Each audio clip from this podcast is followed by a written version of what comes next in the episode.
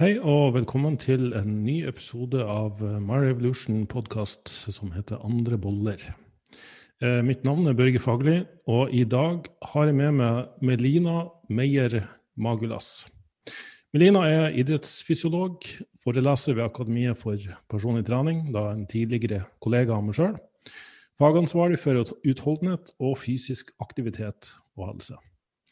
Til daglig så jobber Melina som doktorgradsstipendiat ved Institutt for idrettsmedisin ved NIH, eh, under en forskningsparaply som heter Generation Sedentary.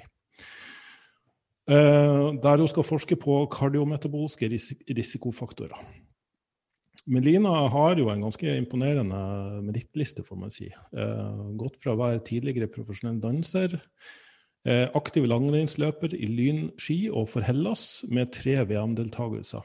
Eh, og så er hun også gift med Eirik Myhr Nossum, som eh, er landslagstrener for det norske langrennslandslaget.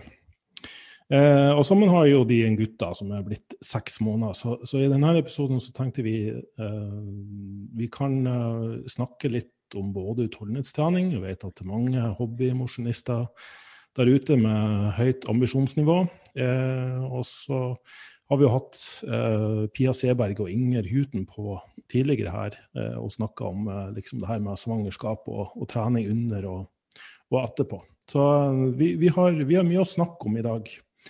Så Melina, velkommen. Tusen hjertelig takk, Børge. Ja, Hyggelig at du kunne være med. Det ble jo ganske kort varsel også, men eh, vi, det er sånn vi pleier å gjøre det. Si. Det er sånn vi opererer, vi hiver oss rundt.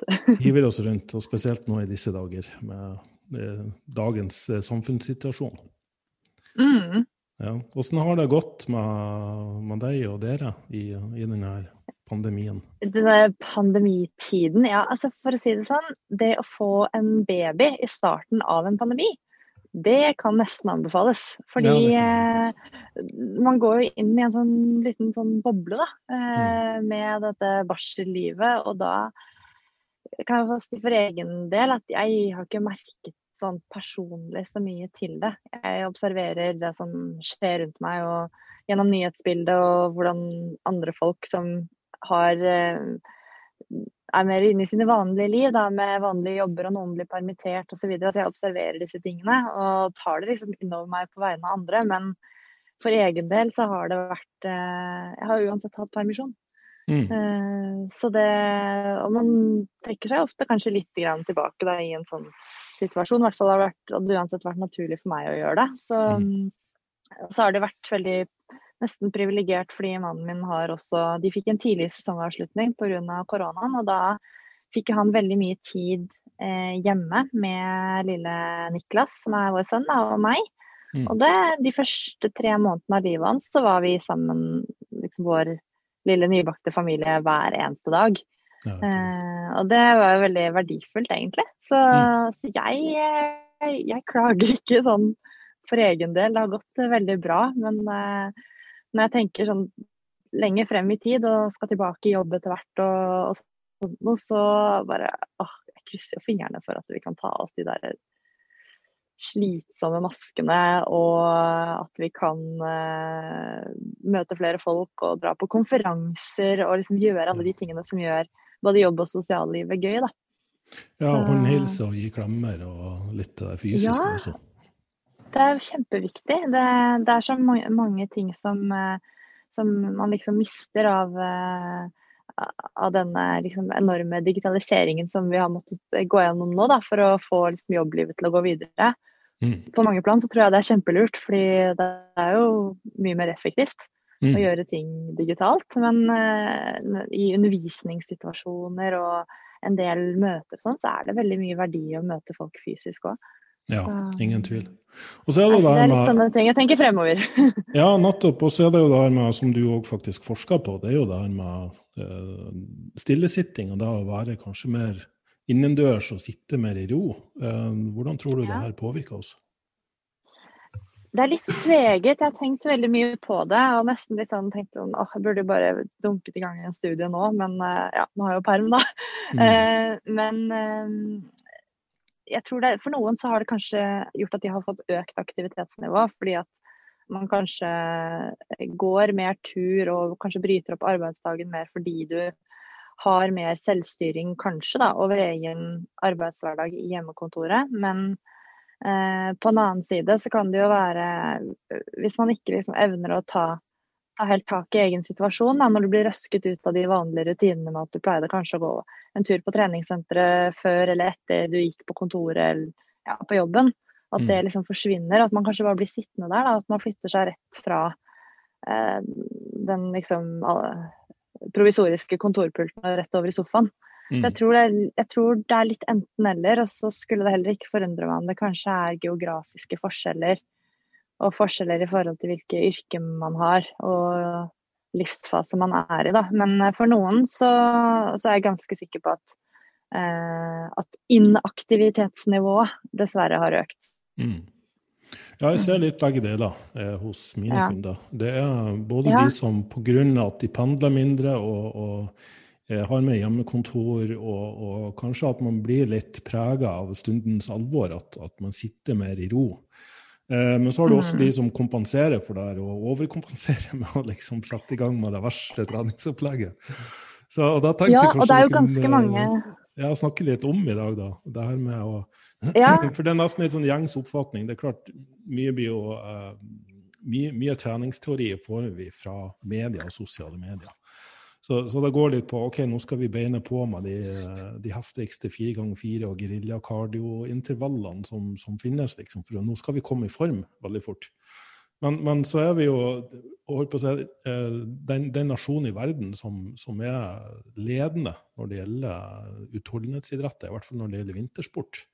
Så, så, vi har jo litt lærdom å, å, å ta av, men likevel går liksom folk for liksom de raskeste, mest intensive gønne på-løsningene. Hva, hva, tenker du om det?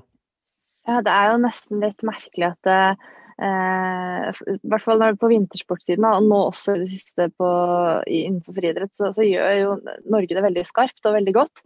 Eh, men så ligger vi ganske høyt Eh, på statistikken når det gjelder inaktivitet og overvekt og fedme som befolkning.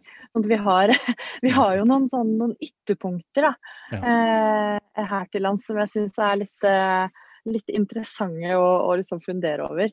Uh, og jeg tror jo Når du nevner dette med sosiale medier, så tror jeg nok at det er eh, sikkert mange som eh, sitter og scroller på Instagram og ser øktene til treningsprofiler som er, de er skikkelig godt trente, og de legger ut økter som er eh, deres egne.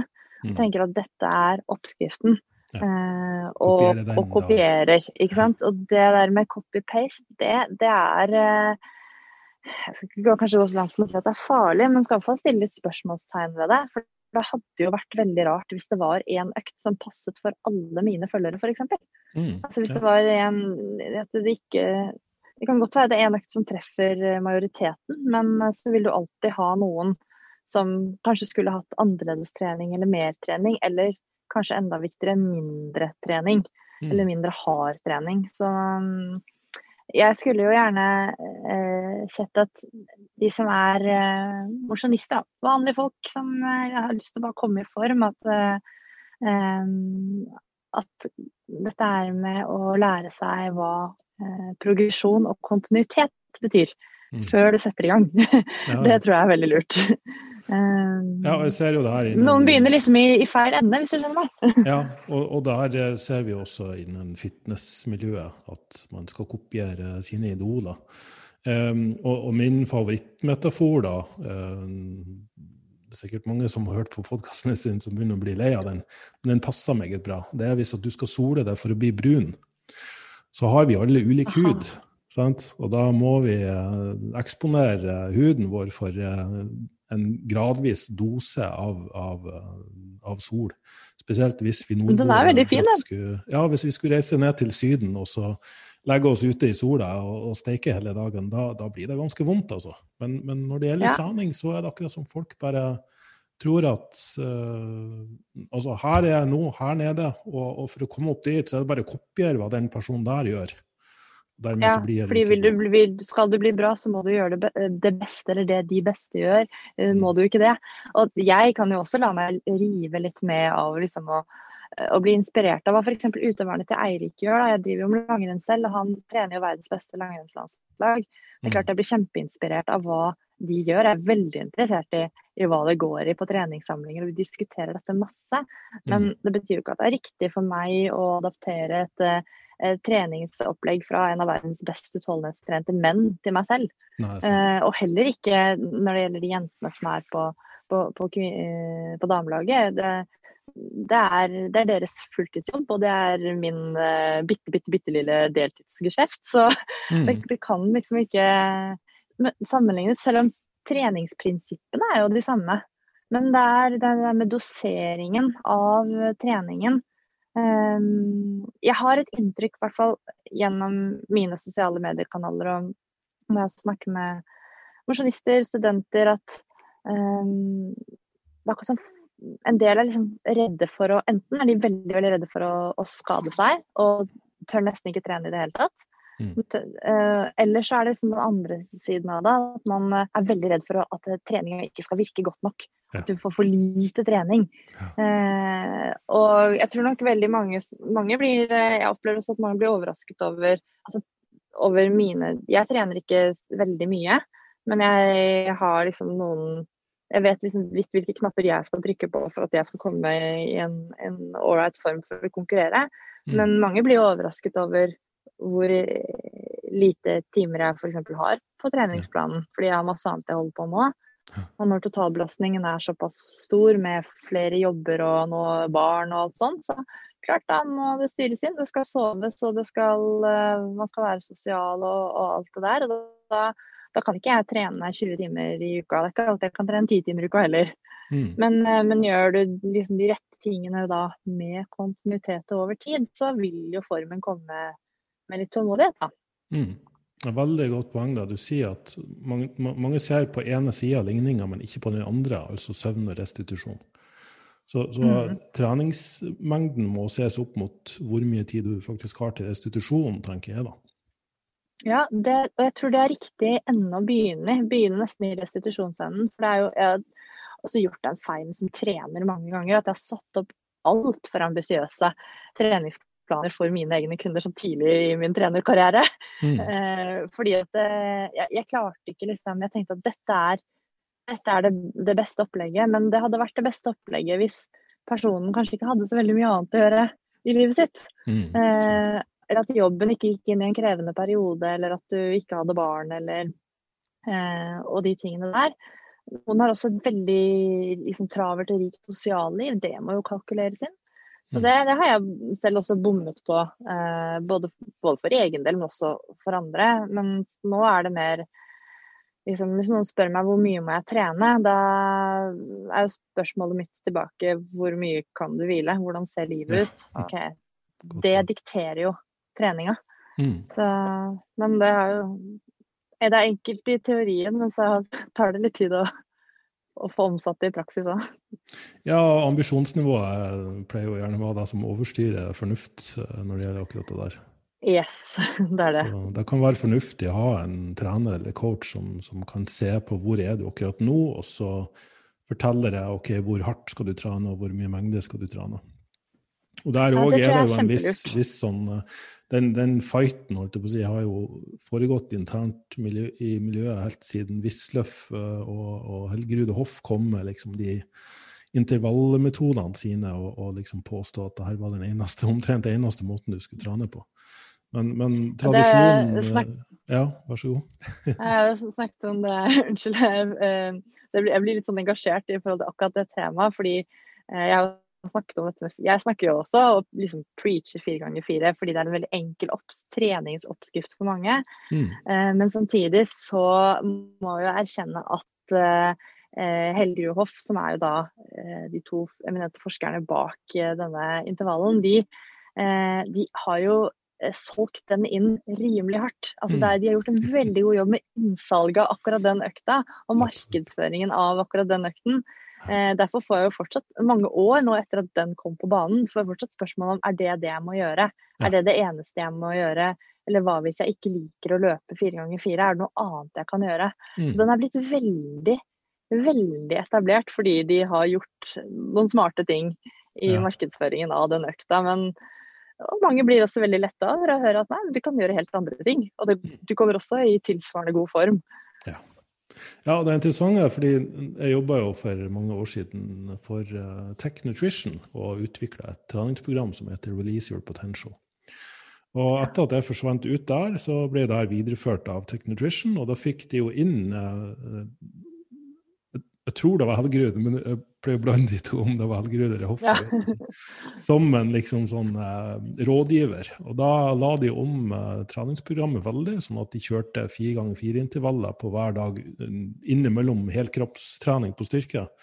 Og på styrkeprogrammet så skulle de da kjøre fire ganger fire der også. Fire sett, fire repetisjoner, liksom. Ja. Og det ble nesten som en sånn numerologisk tilnærming til trening i stedet for en mer sånn altså Folk ble jo overtrent i, i huet og ræva, så det var, det var helt vanvittig. Ja, da er det jo bare, hard trening, bare veldig hard trening, både på styrke og kondisjon. Og, da, og det er eh, sikkert ikke så problematisk i en liten periode, eller en uke her og der, men når det går over tid, så og man ikke får tid til å hente seg inn, da, da, får, da havner man jo i en situasjon hvor du plutselig ikke får trent i det hele tatt. da. Mm.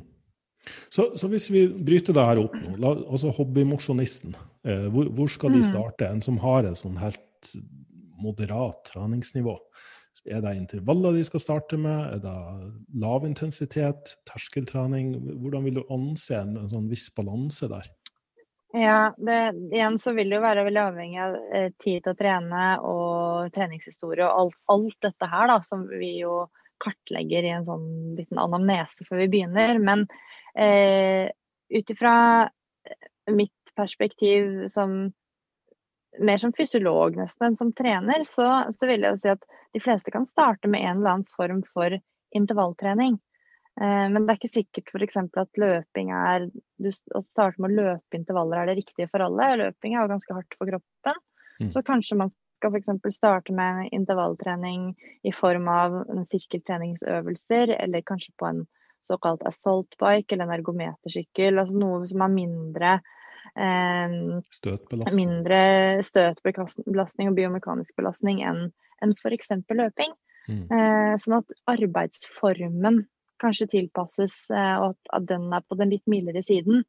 Men at du likevel kan få opp eh, den fysiske formen og også forbedre helsa ganske effektivt ved å trene på høy intensitet. Mm. Men der tror jeg også at da, der må man ta hensyn til belastningsfaktorer. Sånn som dette med støtbelastning. Sånn at mm. jeg tenker at man kan fint starte med intervall kanskje én til to ganger i uken. Eh, nesten, nesten uansett hvem man er, men da med en tilpasset, tilpasset øktdesign. da. Mm. Eh, og har man ikke trent f.eks. høyintensiv intervalltrening noe særlig systematisk før, så eh, vil jo fordi, for veldig mange holde sikkert en fire til seks ukers tid med å gjøre det én gang i uken. For at det har ikke blitt gjort systematisk før. Og man trenger heller ikke mange minutter på en intensitet der du er såpass andpusten at du ikke klarer å, å, snakke så mange setninger etter hverandre. Det kan holde med kanskje en, et treningsvolum på mellom 10 og 15 minutter. Mm. Med, den, med, den, type opplevd anstrengelse. Man trenger ikke egentlig bruke pulsklokke heller. Nei, så, så, det kan gjøres eh, ganske enkelt, men ved å tilpasse da belastningsfaktorene, så kan man, eh, kan man komme i gang med, med trening som, som, jo for de fleste kanskje vil oppleves relativt hard. Da. Mm. Og så er det dette med at det er jo en psykologisk faktor eh, inni det der også. Eh, fordi at Hvis du har slumset litt sånn rundt i komfortnivået på treningsbiten, og så skal du begynne å trene høyintensive intervaller fordi noen sa det var lurt for helsa, ja. så er det ikke sikkert at det oppleves så veldig behagelig, og at det er så fryktelig fristende å gjenta det. Mm. Så jeg personlig er veldig for at man har en sånn tilvenningsfase hvor intensiteten, den opplevde intensiteten, kanskje ligger mer rundt terskelnivå. Det der med at du føler du kan holde på ganske lenge. men Du er litt andpusten, men du har veldig god kontroll. Altså Det er litt komfortsone over det. Ja. Og kanskje du gjør det én til tre uker før du liksom stepper opp gamet og går på den litt tøffere treningen. Og mest egentlig kanskje for eh, det psykologiske sin skyld, mer enn, du, mer enn den belastningstilvenningen. Fordi har du mm. funnet en mild belastningsform, så går jo det fint. Ja. Men jeg ønsker jo at du skal trives med det, og at hjernen din skal forstå og liksom at uh, du døde ikke denne gangen, så det går bra å gjøre det en gang til. Og du syns til og med kanskje det var litt deilig. Ja, ja, så, så, det er litt, litt sånn trikse det litt til. Ja, ja, ikke sant. Trikse litt, inngangen litt til på den måten. Uh, det tror jeg er lurt for, for de som er uh, Som skal sette i gang med den litt sånn mer systematiske kondisjonstreningen. Mm. Men klart, har du som mål f.eks. å løpe en 10 km eller løpe et halvmaraton, eh, som en eh, treningsglad mosjonist, så må det jo eh, mer mengdetrening til.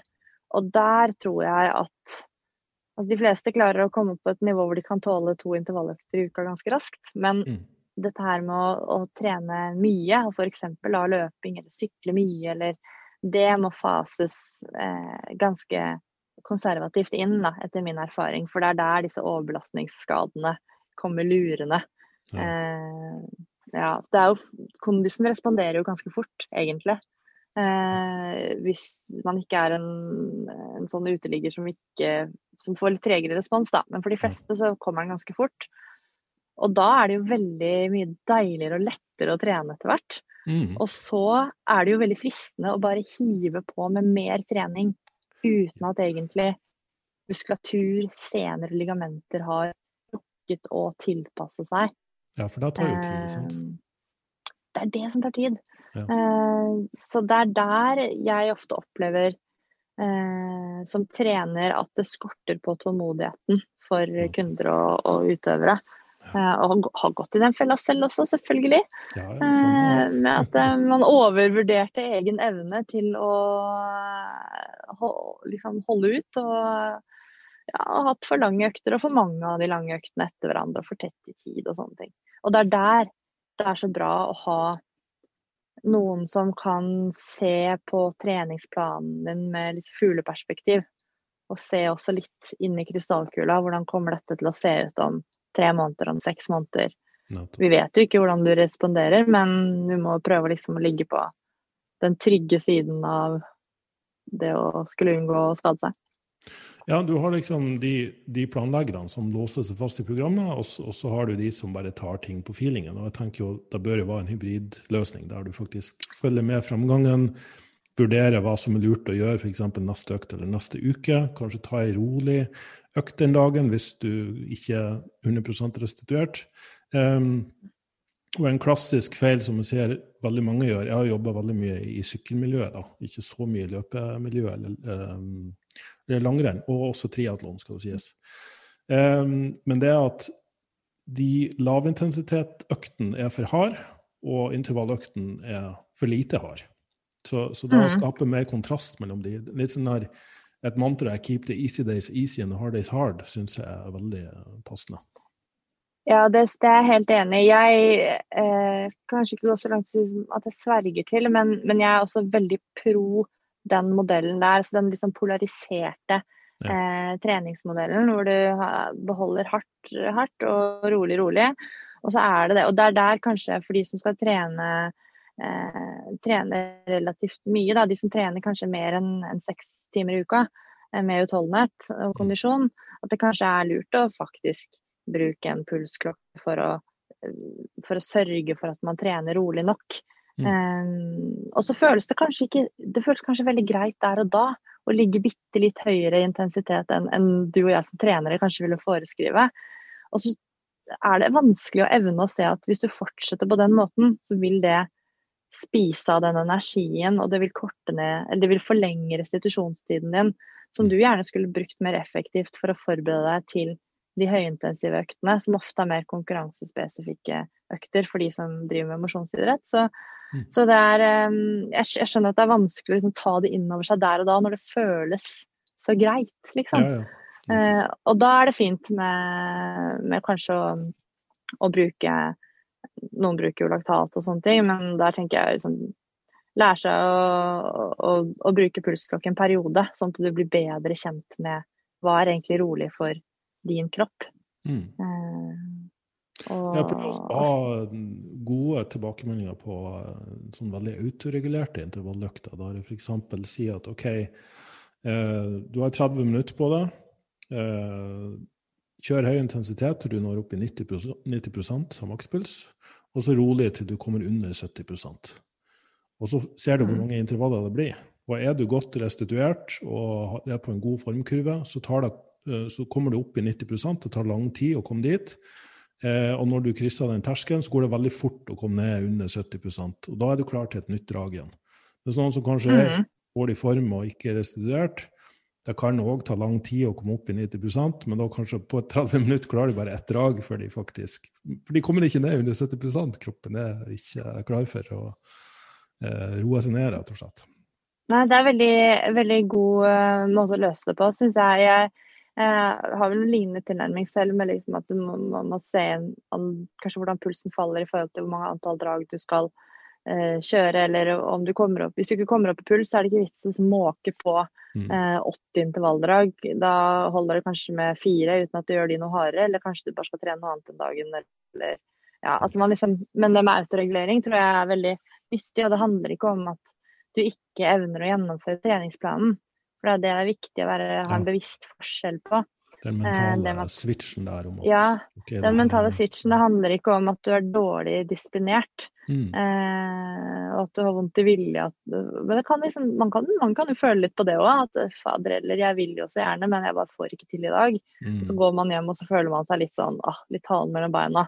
Ja, ja. Eh, men, men, det handler jo mer om hva er den beste økta du kan gjøre i dag? Hvordan skal du løse den best mulig, sånn at den puslespillbiten passer inn i det store puslespillet og gjør at du blir bedre. Og Der syns mm. jeg autoregulering er veldig verdifullt. Og jeg er i hvert fall ikke noe fan av sånn Gjør treningsplanen for enhver pris, vær beinhard i huet. For det, det for meg er det idioti. Det handler ikke om å være hard i huet og ha god disiplin. Det, mm. det, da har du bare tatt på deg skylappene, og så ignorerer du bare blankt alt som vi vet om restitusjon, fysiologi. Eh, det er så mange ting i kroppen som ikke er statiske og som påvirkes av hverandre. Vi påvirkes av været. Mm, det er så mange ting. Så, ja, apropos, det, jeg, jeg pleier å si at det vil være som å basere klesvalget på langtidsvarselet. Ja, så, så, hvis at langtidsvarselet har sagt at på fredag er det sol, og så pøsregner det på fredag, og allikevel går du ut i shorts fordi langtidsvarsler har jo sagt at det skal være sol. det blir litt samme mentaliteter. At i stedet for å være bevisst hvor, hva er dagens situasjon, hva er status, og så regulere ut fra mm. det i stedet for å liksom Nei, programmet har sagt. Og det der kommer jo med, Når man skal gjøre det for, for seg selv, så krever det jo erfaring over lang mm. tid. Å ta de tegnene og de signalene. Og fram til man har opparbeidet seg den erfaringen, så, og for å i det hele tatt evne å klare å komme til den erfaringen, så tror jeg det er veldig nyttig å, å samarbeide med en trener. Fordi da kan eh, utøveren f.eks. sende meg en melding eller ringe meg eller bare Du, nå, i dag føler jeg sånn og sånn. Er det liksom riktig å gjøre den økta? Hvordan skal vi gjøre det? Og så kan vi løse det ganske kjapt. Mm. Istedenfor at eh, eh, Hvis det er et eller annet spesielt, da, istedenfor at man liksom kaster bort en økt som bare blir drit, så kan vi heller gire litt om i planen og bare stokke litt om, og så blir total, totalen bra, da.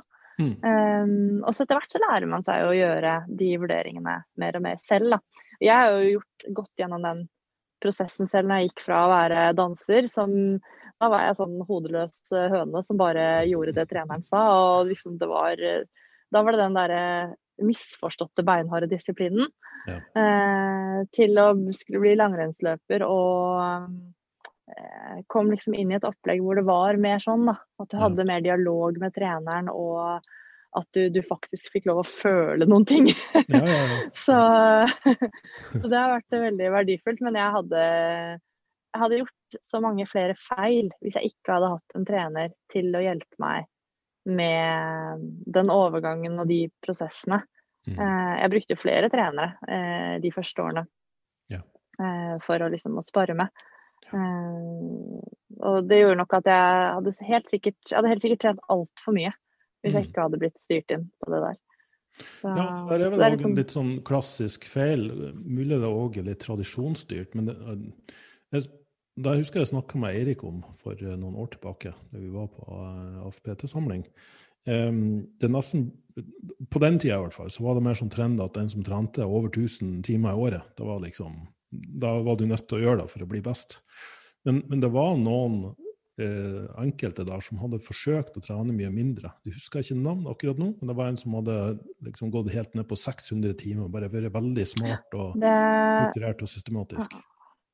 Godeste Finn Hågen Krogh, det tror jeg. Ja, det eh, som gikk jo bl.a. ankeretappen for Norge når det var VM i Lahti, mm. og gikk, eh, gikk gull hjem. Mm. Eh, og han er jo en utøver som, som ikke, ikke, ikke, trener og ikke kan trene. Han blir dårligere hvis han trener 1000 timer i året. Ja, så, så, det er jo og, og, og, da er vi liksom inne på et litt sånn interessant spørsmål. Um, for, for, det ene er jo at det blir veldig skreddersydd til den enkelte person sin eh, individuelle fysiologi og genetikk, sånn at de får det beste ut av seg sjøl. Og at da kanskje på den måten er faktisk mulig å bli veldig god. Men, men eh, kan man også si at det er de som tåler veldig mye trening, som, som blir de beste? Hva, hva, tenker du om det? Oh, jeg tenker det er eh, Begge deler er nok riktig på mm. sett og vis. Eh, vi ser jo det at eh, f.eks. i idretter som, som krever eh, ekstremt mye trening, da. Eh, f.eks. en del estetiske idretter hvor det trenes et helt sinnssykt timeantall. Eh, det gjøres også i svømming. Eh, det trenes jo også godt over 1000 timer på høyt nivå i langrenn f.eks. Mm. Og de som ikke tåler eh, en viss treningsmengde, de faller jo fra. Mm. Sånn at no, til noen tilfeller så er det jo sånn Jeg tror jo på et eller annet plan så må du uh, Uavhengig av idrett, da, så må du liksom Du må opp på et visst nivå for ja. å kunne klare å uh, få trent alle egenskapene du skal, og få utvikling. Men det er ikke sikkert at man er nødt til å ligge liksom i det høyeste uh, liksom enden av skalaen da, i forhold til hvor mange timer folk trener. Eh, for at du skal få utvikling, eller for at jeg skal få utvikling. Da tror jeg at man må mer kanskje finne ut over tid OK, hva er det som er eh, Hva er det som skal til for at jeg fortsatt klarer å få fremgang? Det er jo det det mm. handler om, å fortsatt få utvikling.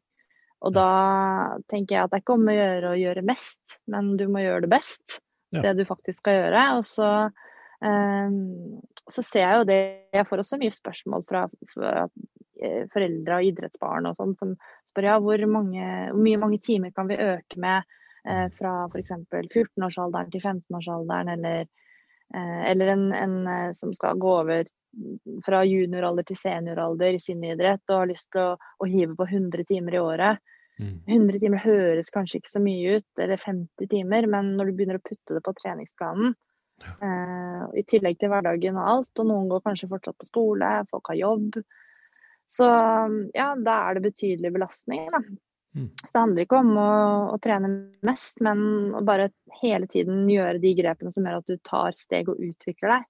Og det er ikke sikkert at det er det å øke trening, antall treningstimer i det hele tatt heller. Det kan jo være det å gjøre noe annet ja. annerledes innad i de timene du allerede har til rådighet.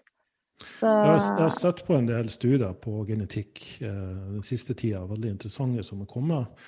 Eh, den ene ble gjort på utholdenhet, eh, der de så på ulike markører for eh, forbedring av kondisjon og også en direkte prestasjonsøkning. Da.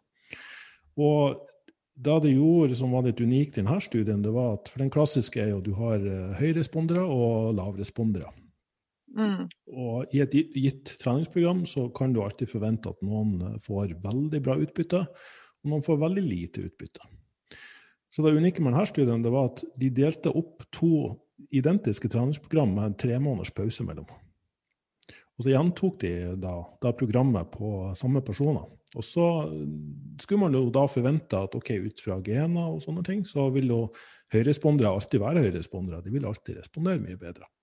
Men overraskelsen var stor når de så at det var faktisk ikke den sammenhengen som de hadde trodd. Så mange av de som var høyrespondere i den første perioden, etter tre måneder opphold mellom, så han det skjedd så mye i kroppen deres at de kanskje responderte veldig dårlig på den neste treningsperioden. Og også, også ja. omvendt, da, for de som responderte lite i den første fasen.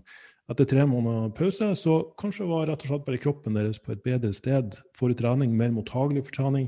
Kanskje de gjorde andre ting i livet sitt mer riktig, og dermed responderte de mye bedre på den neste treningsfasen.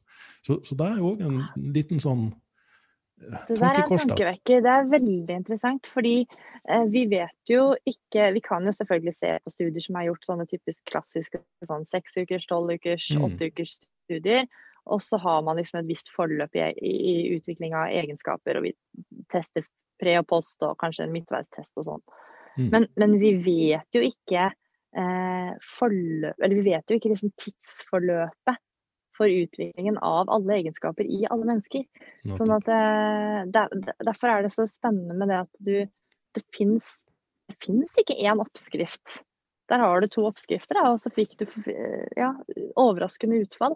Ja, så, ja, og, og, en modell som brukes veldig mye nå i senere tid innen styrketrening, er jo at uh, ene benet blir trent Eh, med kanskje mange sett eller høy intensitet og belastning. Mm. Det andre beinet med lav intensitet eller belastning. Og så ser man ok, eh, har du prosentvis bedre økning i det med mest intensitet eller eh, volum, eller det andre. Og da så man at ok, noen eh, hadde best effekt av å trene lite, og noen hadde best effekt av å trene mye. Eh, det trender mot at mest trening har best utbytte. Eh, men man så jo også at det var noen som bare generelt sett hadde bedre utbytte, uavhengig av om de trente lite eller mye. Men, men den samme studien, da, eller samme forskergruppa, har også sett på den responsen over tid og prøvd å liksom se, se litt sammenhenger. Og da var det faktisk sånn at etter en viss periode så endra det her seg. Sånn at noen mm. både kunne gå fra å være høyrespondere til å være lavrespondere og omvendt. Men, men, også at det virka, virka nesten litt random hvorvidt det venstre eller høyre beinet for å si det på den måten, fikk, ja. fikk best treningseffekt. Så, så er det så mange variabler involvert at jeg, tror ikke vi skal dra noen konklusjoner riktig ennå på Nei, jeg tror vi skal passe oss for det. Det, ja. det, det viser jo også at det er, det er, mange veier til Rom, som et kjent uh, ordtak sier. Mm. Uh, og at um, altså vi, når vi lager treningsopplegg, så prøver vi jo Vi går jo for gull, og vi prøver å lage det beste vi, vi kan for det individet. Men, men vi, vi, vet jo aldri 100% hvordan det vil slå ut. Eh, og det er der man kanskje må ha den fleksibiliteten i seg til å eh, gjøre um, endringer og, underveis, da, og autoregulere når du er i, liksom, fra dag til dag og mm. i mikrosykluser. Så um, men det, jo, det, gjør jo også at dette faget er veldig spennende å jobbe med. For det er jo det finnes ikke statisk. Nei da, det er hele tida noe nytt der. Det, det. Ja, det er det. Eh, og, og, apropos da, når vi er inne på det her med å, å kjenne sin kropp og, og, og, utvikling, og ikke minst der at man, hvis man er litt vinnerskalle, da, så er det fort gjort å se på hva man har gjort før, eller hva andre gjør. Og du har jo gått gjennom et uh, svangerskap som setter kroppen på noen ganske store utfordringer. Og, og, hvordan har, har, det vært for deg, både med å regulere treningsmengde og, komme tilbake igjen etter, etter svangerskap og fødsel? Ja, altså det her var jo eh, opptreninga mot livets økt, som jeg kalte det, ja. Eh, med svangerskapet. Jeg var jo eh, veldig heldig, har jeg skjønt, at, med at jeg var i veldig god form ja. i, i, svangerskapet. Jeg eh, dro på skiferie med venninne og fartet rundt i Alpene og gikk langrenn og liksom, altså på, på, syv måneder. Mm. Eh, gravid. Det var liksom bare sånn for å si, gi et lite bilde på hvordan ståa var. Eh, men, men, jeg var jo selvfølgelig Det ble jo flere mindre timer med trening. Og eh, jeg fulgte jo retningslinjene, det kan jeg mm. si. Eh, med i forhold til å justere på intensitet og, og, sånn.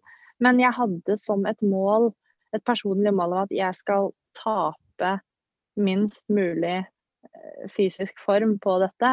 Mm. Eh, fordi at jeg vil tilbake i en konkurranseform. Og så vet jeg, visste jeg jo ikke hvordan det vil forløpe seg, men jeg tenkte bare at så lenge jeg er i stand til å være fysisk aktiv, så skal jeg gjøre noe fysisk aktivt hver dag. Mm. Eh, I hvert fall sånn fem-seks dager i uka. Og jeg fikk jo også hver gang jeg var, eller når jeg var hos jordmor eller um, hos, uh, hos, lege, så, så, var de også ganske sånn De understrekte ganske ofte viktigheten av at mor var fysisk aktiv. Mm. Eh, og da, Uten at det var noe press, men det var mer sånn OK, hvis ikke du orker å trene en dag, så bare gå en liten tur på et kvarter. Eh, så lenge man ikke har vondt noe sted og alt. Så det ble veldig jeg syns det var opplevd som positivt, selvfølgelig, at jeg ble oppmuntret til å være fysisk aktiv. Ja, ja. Um, så det tok de jo på ordet. Uh, og så kom jo koronaen, da. Og da forsvant jo treningssenteret for meg. Og ja. da fikk jeg jo da um, lånt meg en ellipse. Som mm. ble stående midt i stua. Uh, det sier jo litt om prioriteringen, det òg. Uh, at jeg da fikk uh, trent på ellipsen min og gått på ski, for det var jo fortsatt snø. Ja. Så i svangerskapet så trente jeg Og jeg hadde også litt ekstra fokus på styrketrening. Mm. noe som ofte blir litt sånn nedprioritert i min utholdenhetshverdag. Men da tenkte jeg nå skal jeg bruke denne anledningen til å trene litt mer styrke. Og gikk vel fra å trene styrke to ganger i uka til å trene styrke tre til av og til fire ganger i uka. Ja. Eh, så jeg var mye sterkere faktisk i ekstremitetene som gravid enn jeg har vært ellers. Ja. Så det var litt gøy. Det sier kanskje litt om hvor lavt styrkenivået var, da. Men, ja, ikke eh, sant. Det var litt å gå på.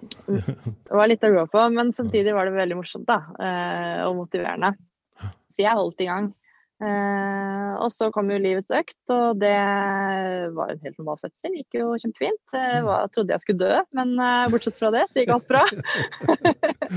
ja, ja, jeg har skjønt at sånn er det for de fleste.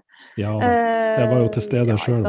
Vi hadde hjemmefødsel, så jeg var til stede under prosessen. Så det, det er det, hardcore greier. beundring og respekt av et ja, helt guddommelig. Virkelig. Fantastisk. Ja. ja. det er helt rått. Det er rått å få være med på. Mm. Eh, nei, så var det egentlig Gikk det kanskje en Altså fire dager etter fødsel så eh, var det 17. mai.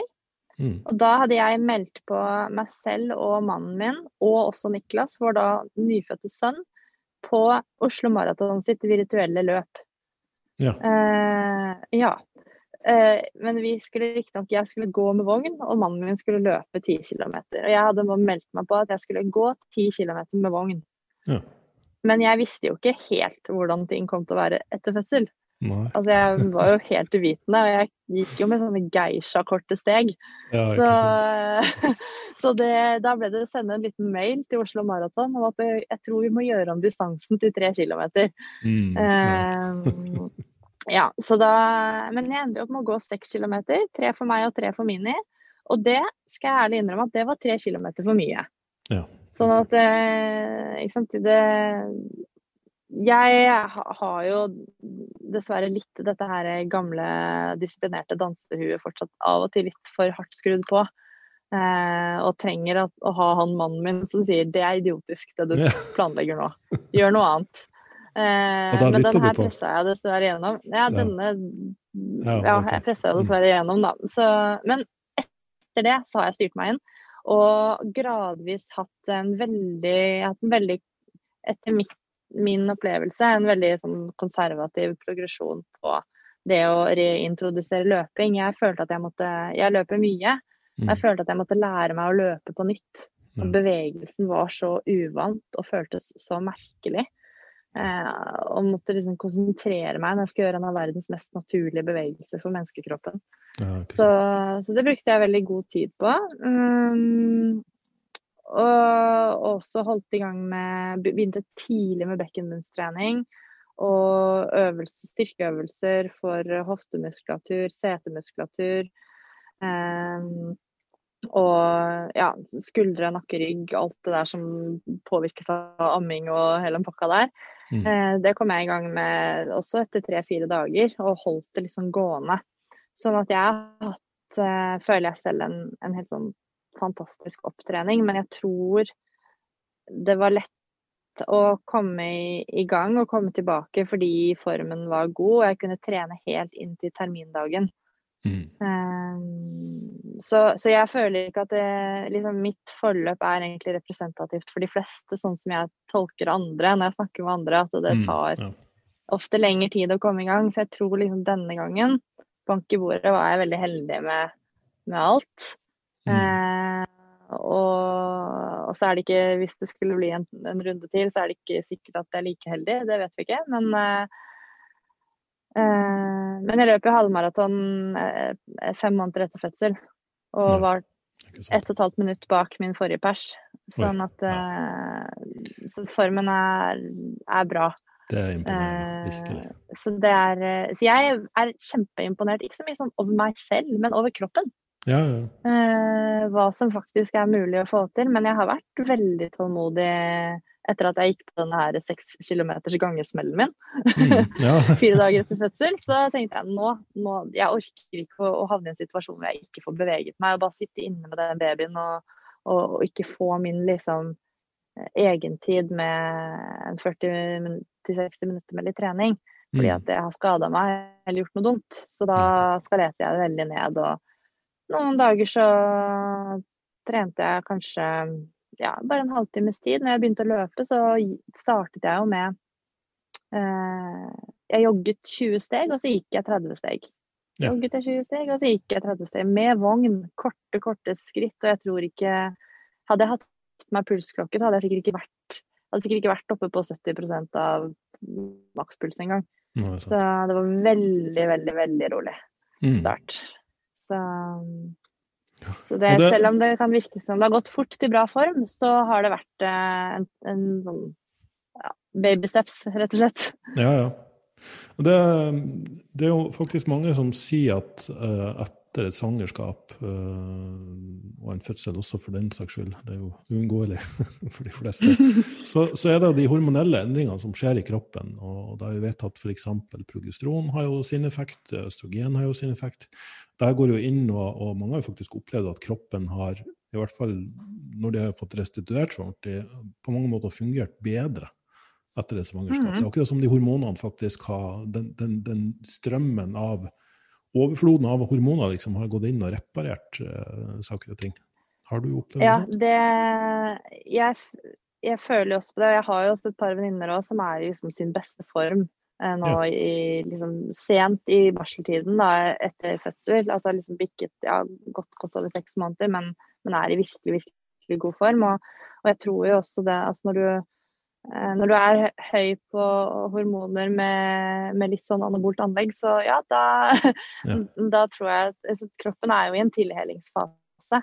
Eh, ganske lenge, og hvis man da får, får stimulert altså Jeg vet ikke dette, men jeg kan jo spekulere at hvis du da får stimulert muskulatur, eh, både hjertemuskulatur og skjelettmuskulatur, så, så, så, kan du kanskje få en litt sånn boost av en fremgang sammenlignet med når du ikke har den her hormoncocktailen sirkulerende rundt. Så jeg tror at er, eh, er man i stand til å begynne å være litt fysisk aktiv, så du kan trene også det som er, du kan trene ganske lite og få ganske mye fremgang i den fasen. Det er i hvert fall min opplevelse. Så jeg tror det, og der kanskje også disse hormonene spiller inn. og All treningsadaptasjon reguleres jo av hormoner, så det må jo være noe der. Um, altså og så er det jo selvfølgelig mange som uh, har påpekt for meg denne sånn blodvolumeffekten som, eh, som, man får. Altså, du har jo opp mot 50% forhøyet blodvolum som gravid, og så mm. vedvarer jo det Eh, en seks til åtte uker etter fødsel. Eh, og dette har jo vært litt sånn spekulert i innenfor utholdenhetsidrett. Eh, når idrettskvinner skal komme tilbake på, på veldig høyt nivå. da. Det mm. at du, du, har kanskje en skikkelig kondisjonsboost fordi at du har høyere blodvolum. Mm. Men det vil jo avta hvis ikke du kommer i gang med trening ganske fort. Sånn, det er ikke sånn at alle kvinner som har født barn, får superkondis. Du er avhengig av å ha trent gjennom hele svangerskapet, og så er du avhengig av å komme ganske fort i gang med den eh, litt tøffe kondisjonstreningen som vil eh, gi en, en blodvolumstimulering. Og, mm. og det, der skal jeg være så ærlig og si at det har jeg bevisst gjort fordi jeg har muligheten til det, fordi kroppen min har kunnet gjøre det. Mm. Eh, så, så, jeg tror nok det er også litt av historien bak det at, eh, at jeg kan løpe ganske fort nå. Det at mm. jeg har faktisk eh, At kondisjonen den har spilt på lag, og jeg har hacka meg litt til den kondisjonen. Ja, ikke sant. på bakgrunn av dette blodvolumet. Så får vi se om det varer, da, Børge. Det er ikke sikkert. Nei, det er jo det, da. Vi får bare krysse fingrene, tenker jeg. Men um, det er òg litt um, en, en, tanke som slo meg litt her. Fordi jeg, jeg, jeg er jo veldig dårlig på å trene meg sjøl. Det skal jeg innrømme. Det er veldig vanskelig for meg å lytte til kroppen alltid. Jeg har blitt bedre med årene, men det er liksom det her ambisjoner og vinnerskalle-kombinasjonen som, som, ofte slår inn og gjør at man gjør litt for mye litt for fort.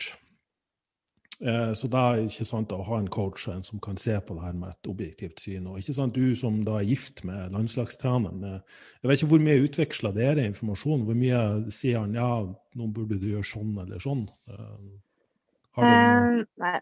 Han styrte jo treningen min litt i starten, eller første året jeg begynte med langrenn, så brukte jeg en annen trener. Uh, han er nå Sverre Kaas. Han er nå uh, langrennstrener for damen som er på skiskytterlandslaget. Ja. Um, fordi da tenkte jeg at det var veldig lurt å ikke ha en trener på hjemmebane. Du vet, ja. det kan bikke begge veier. Og da var derfor jeg lurte på hvordan dere får ja, det til å fungere. Men så fant vi ut at det var, egentlig, det var, egentlig mye mer praktisk å ha treneren i hus. Så da gikk mm. jeg mer over til å spare mer med Eirik. Men vi har den samme faglige bakgrunnen, selv om han har mm. spisskompetanse, mye mer spisskompetanse på langrenn enn det jeg har. Så jeg har alltid satt opp min egen trening mm. og planlagt min egen trening, men så har vi eh, sparret og diskutert rundt den. Ja. Eh, så det har aldri så vært sånn at jeg har fått utlevert en treningsplan. Nei, men vi, eh, vi, har veldig åpenhet rundt, rundt egentlig alt med trening. Og stort sett så styrer jeg alt selv, men eh, hvis jeg er litt usikker eller i tvil, så Og jeg vet egentlig hva svaret er, men jeg trenger kanskje litt sånn litt hjelp og litt push å ta den avgjørelsen. Ja. Så snakker jeg med Eirik, og da Resultatet blir ofte det jeg egentlig har sett for meg fra før av. F.eks. Ja. at det var å kutte litt ned på en økt eller, eller noe sånt noe, men, men, at jeg trenger å høre at noen andre sier det. Ja, ja. For du, du hadde eh, egentlig svaret sjøl, men ja, ja. Du, du ja, vet det egentlig. Men jeg må men... ha bekreftelse. Ja, ja, ja, riktig. Så, eh, og da kan man jo si liksom Kanskje jeg skulle stått enda tryggere i det, men, men, det hjelper alltid å si ting høyt. Det hjelper alltid å snakke om ting, da. Ja. Um, og så er jo Ja. Men så er stort sett Det er veldig sjelden han sier at jeg trener At jeg liksom må trene hardere eller mer, fordi jeg planlegger stort sett bitte, bitte litt mer ambisiøst enn det som jeg burde. Og da er han fin å, å styre med. Så selv om og, jeg gjør det samme han gjør for meg, gjør jo jeg for andre igjen. Så vi trenger ja. jo alle noen som holder oss litt grann i nakken. Mm. Eh, vi trenger alle noen som har et litt annet perspektiv og, og ser Ja, man blir jo Man er jo bare biased bare i det å være seg selv. Mm. Så, så, jeg tror det Jeg er veldig glad for å kunne bare spare med noen. Og jeg tror om man skal bruke en, en profesjonell trener eller eller om man ikke skal gjøre det. Men om du bare har en kompis da, som du kan spare litt med, liksom, eller ja, bare noen å snakke med treninga di om, er veldig givende. Ja, nettopp. Mm. Ja, kanskje også passe på at den, den, personen både vil det beste for det, nummer én, og, og også har ja. litt kompetanse, da, at det ikke blir den lokale helten på, på treningsstudiet. kanskje. Sånn, Nei, for da kan det ofte være sånn ah, du må kjøre hardere, mann. Du må liksom ja, Eller du må mer hardere. Men, men Eirik kan jo også si det til meg, f.eks. Eh, jeg sier jo selv at jeg syns mosjonister er altfor opptatt av detaljer. at man, Vi snakket om det i starten, at man begynner i feil ende. og ja. Noen er kanskje veldig opptatt av hvilke utstyr de skal ha. Men så er det litt sånn Du må bare trene bedre og trene mer fornuftig og bra i forhold til ditt utgangspunkt. Så blir du i bedre form. Det er det som er elefanten i rommet, og det er det som vil ta deg fremover. Mm. Så kan jeg ta meg selv i å f.eks. si at, at jeg, Erik at jeg må ha de beste skiene, jeg må ha de raskeste skiene, jeg må ha mm. det beste utstyret på alt. Jeg er jo ikke så god på ski, så jeg må jo ha alle marginene på min side. Ja, ja. Og da kommer han alltid tilbake og sier at men helt ærlig, Melina, du trener ikke nok. Eh, du, du, må være på et annet nivå hvis du skal begynne å ha fokus på de detaljene og de Og han har helt rett, og jeg er egentlig helt enig. Mm. Men så bare er det noe annet som bare tar over, da.